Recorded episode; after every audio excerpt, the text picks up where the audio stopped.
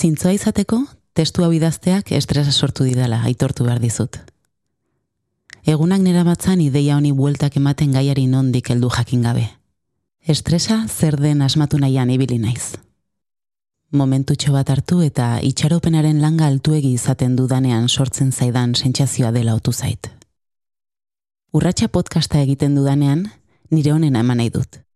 Barruan daramadan pentsamentu, emozio, jakintza eta bizipen guztiak erakutsi eta alkarbanatu nahi ditut. Eta horrek ere, estresa sortzen dit. Estres puntu hau eramangarria da ordea. Ongi baitakit ez naizela perfektua. Ez ditu dala beti erabaki honen akartzen, eta ez dudala beti arrazoia izaten ere. Hau argizateak, estresa bere neurrian mantentzen laguntzen dit niri. Izan daitezken akatsak agertuko dira, bai. Baina badakit, hauek ez dutela ez saioa ez da nikaren ganditudan itxaropenak zapuztuko.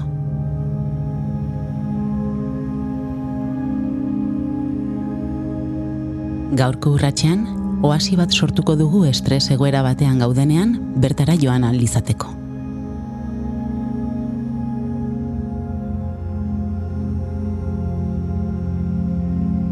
Naomi Mendizabal naiz eta elkarrekin emango dugu gaurko urratsa.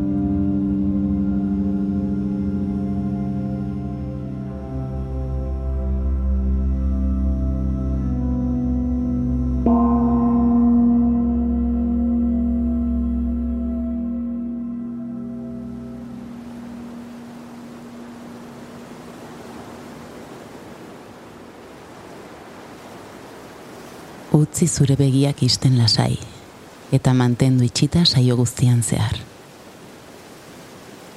Sentitu zure ingurua, zauden lekua.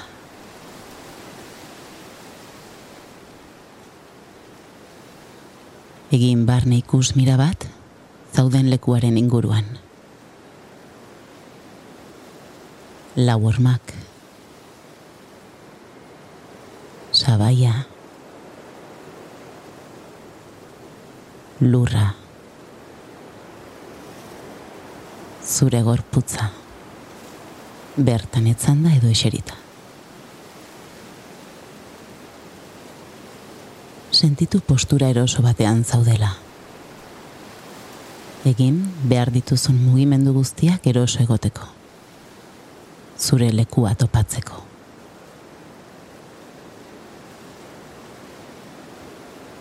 Oso garrantzitsua da eroso egotea, erlaxatuta. Mugitzen baldin bazabiltza, saioan zehar lortu duzun erlaxazio egoera etengo duzu. Beraz, hartu denbora bat, zure gorputza eroso eta lasai sentitzeko.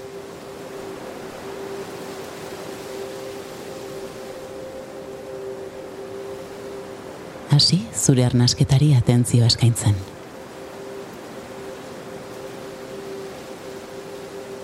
Begiratu, sentitu zure gorputzak nola hartzen duen arnaz. Sentitu zure arnasketa ondarrezko ordulari baten jarioa izango balitz bezala. Ezfortzurik gabe.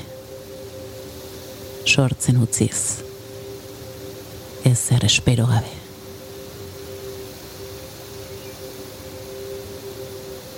Ez saiatu arnasket aldatzen edo kontrolatzen.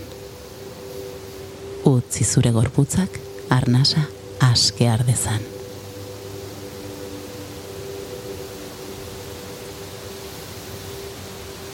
Arnasa hartzen duzunean, lasaitasunez betetzen zara. Eta arnasa botatzen duzunean, tentsioa kaskatzen dituzu. Pentsamendu eta kezkak badoaz.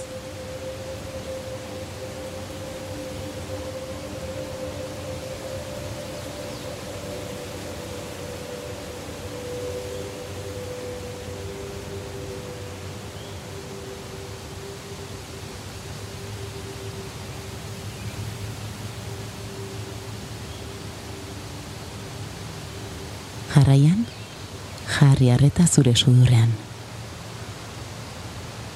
hasi sudurretik arna sartzen eta askatu ahotik. Utzi aiz edena ateratzen.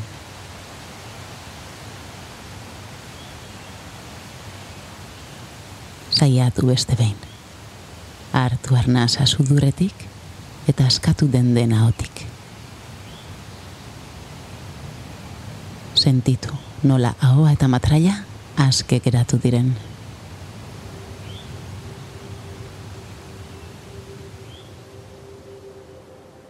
Azken saiakera bat. Kontzentratu ahoa, Espainiak eta matraia aske sentitzen eta utzi azkena txateratzen.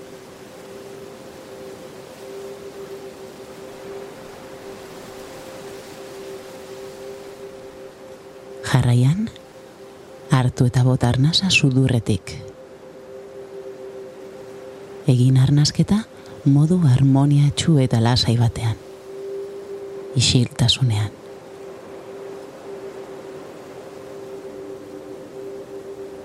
Hartu arnasa poliki eta joan askatzen pixkanaka sudurretik.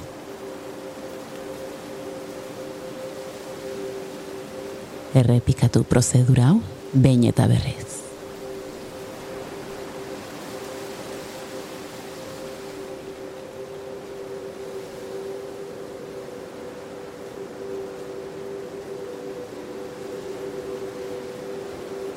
Zure gorputza erlaxatzeko, jarri eta gorputzeko atal nagusietan.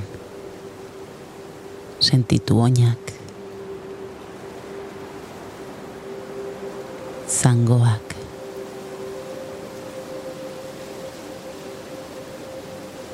aldakak. Bizkar osoa.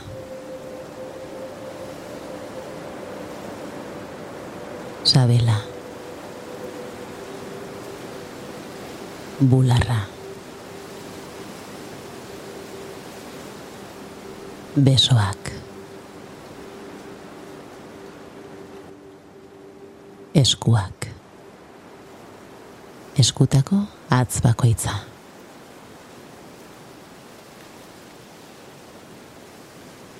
Sorbaldak. Lepoa.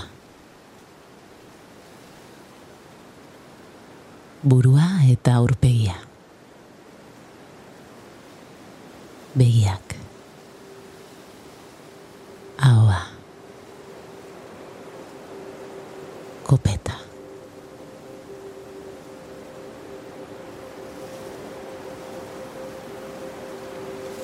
Sentitu zure gorputz osoa eta errepikatu beharrain bat aldiz, errepaso osoa. Gorputz osoko errepasoa. Oinetatik burura eta burutik oinetara.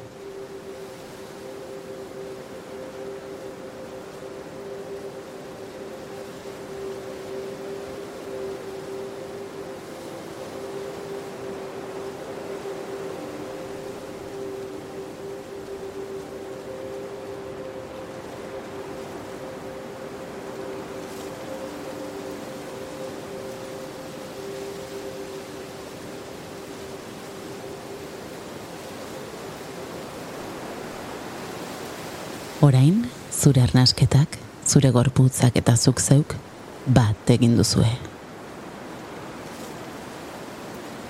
Gorputzaren erritmoa mantxotuz, barne horekarako lehen pausu eman duzu. Mantendu adi eta jarraitu nire hotxa.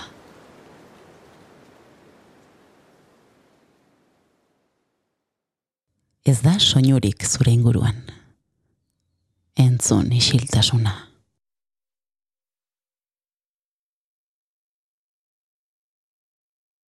Paisaia txuri honetan, hasi zure basamortua imaginatzen.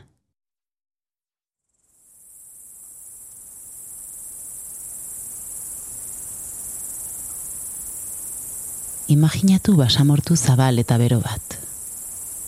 Ondarrez zinguratuta zaude.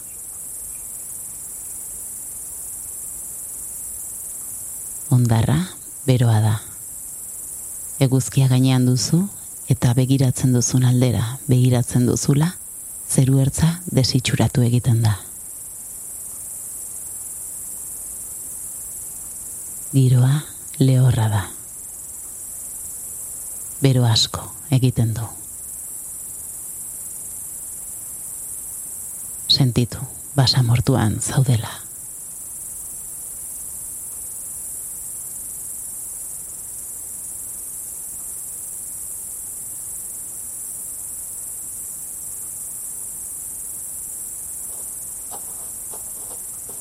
Zure oinak bide baten bila mugimenduan jarri dira, baina nora ezean zoaz.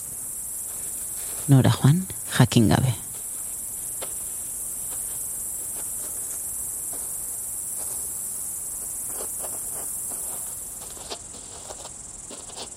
Ezin egona sentitzen hasi zara, eta gelditu egin zara. Bide bat agertzea desiratzen duzu. Nora ezak? Ezin egona sortu dizu. Eta sentsazio hau askatzeko begiak itxi oinak banandu ondarretan finkatu eta eskuak otoitz moduan bularraren gainean jarri dituzu.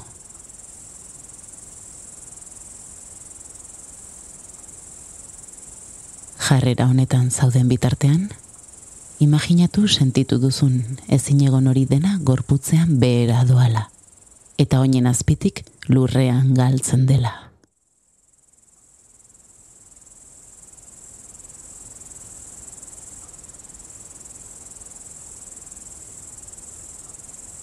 Saiatu berriz, begiak itxita, eskuak otoitz jarreran jarri, eta imaginatu ezin egona badoala, oinetatik lurrera pasatzen dela, zure gorputzetik ateratzen dela zu ustuz lasaituz.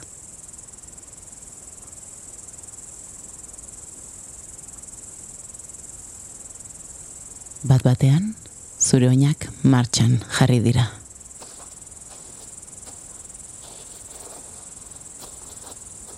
Naiz eta biderik ez egon, aurrera zoaz.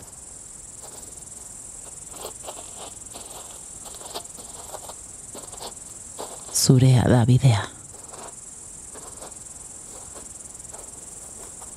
Agian ez da bide egokiena izango.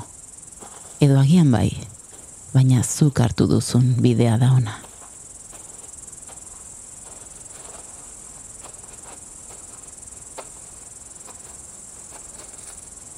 Aurrera zoazela, arrizko bi hilara luze agertu dira.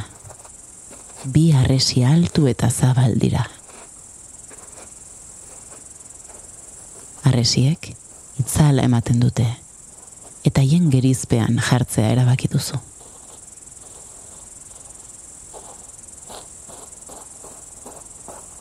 Itzaletatik aurrera zoa zela, arresin arteko tartea estutzen doa. Piskanaka, piskanaka, hormak gerturatzen ari zaizkizu. Zure sorbaldek eta hormek talka egin dutenean gelditu egin zara.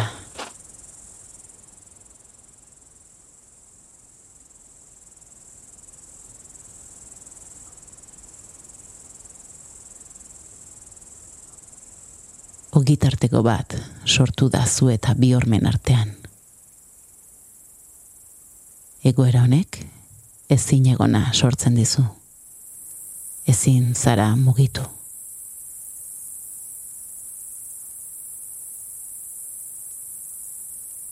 Aurreko ezin egon egoera gogoratuz, honen aurrean ere berdin jokatzea erabaki duzu.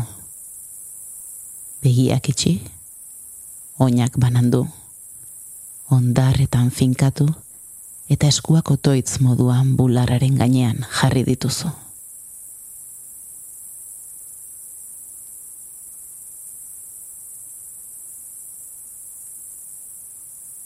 Jarrera honetan zauden bitartean, Imaginatu sentitu duzun ezin egon hori dena gorputzean behera doala, eta oinen azpitik lurrean galtzen dela.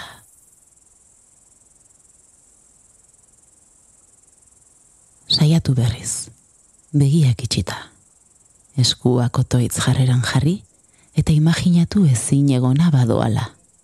Oinetatik lurrera pasatzen dela. Zure gorputzetik ateratzen dela, zu ustuz.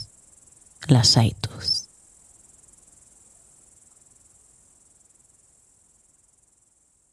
Bat batean, irteran topatu duzu zure burua. Pauso bat eman eta arresitik kanpo zaude.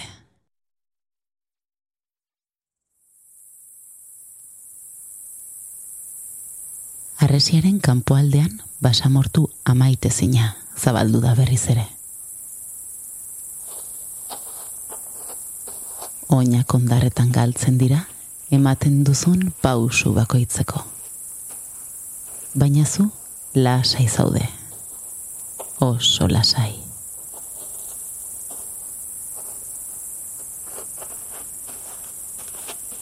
Oinez jarraitzea erabaki duzu. Agian ez da bide gokiena izango, edo agian bai, baina jarraitu egin duzu. Urrundik, uraren hotxa entzutea iruditu zaizu.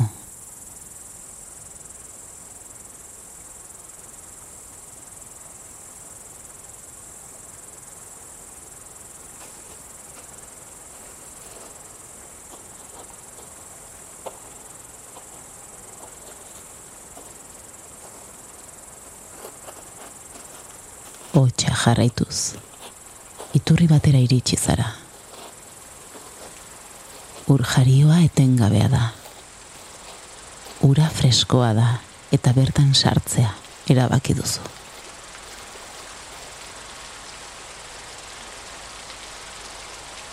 Iturri barruan, burutik oinetara blai egin zara. Eta Espainiak zabalduz, bertatik edaten hasi zara.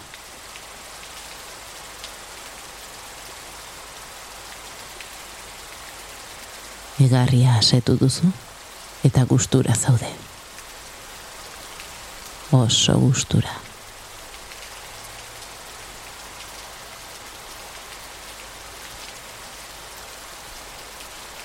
Urak zure gorputzeko atal bakoitza guzti du eta zeharo freskatu zaitu. Baina bat batean, oinak ondarretan barruraino sartuta dituzula konturatu zara.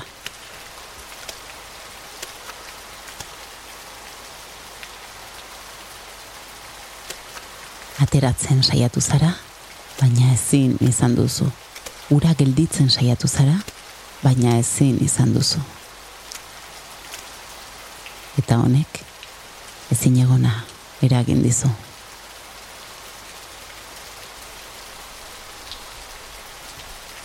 Ezin zara mugitu, eta aurreko estres egoerak gogora etorri zaizkizu.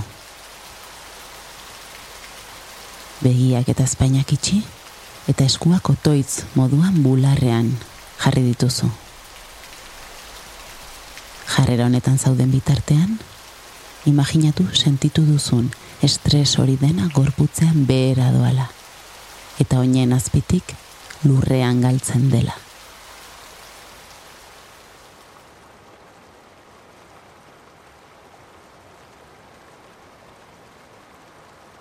Saiatu berriz begiak itxita.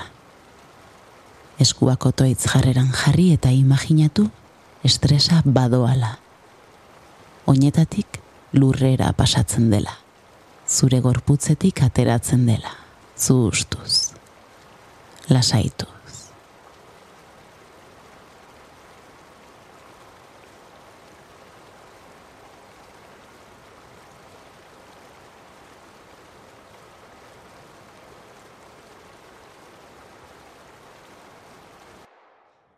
Bat batean, ez da ez soinurik ez paisaiarik zure inguruan. Mi setxuri honetan, zure oasia sortuko duzu. Ekarri gogora, oso lasai, oso soriontsu, oso presente gonzaren leku bat. Artu denbora bat, leku hau ongi sentitzeko.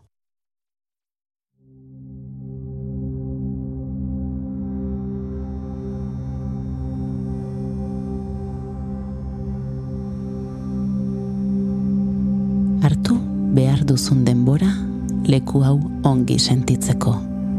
Eta hasi bir sortzen leku hau zure oasian.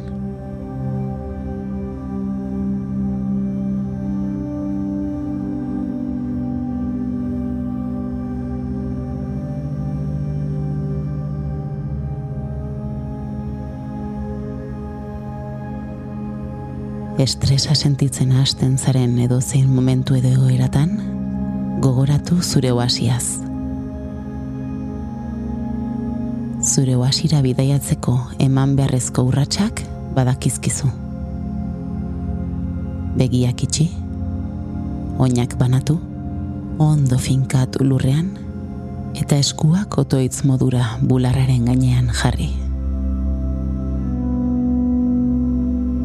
jarrera honetan zauden bitartean, imaginatu sentitu duzun ezin egon hori dena gorputzean behera doala, eta oinen azpitik lurrean galtzen dela. Egin laupa bostar jarrera honetan murgildurik. Eta begiratu, ea berriz begiak zabaltzen dituzunean, oasia zure mundura atera den.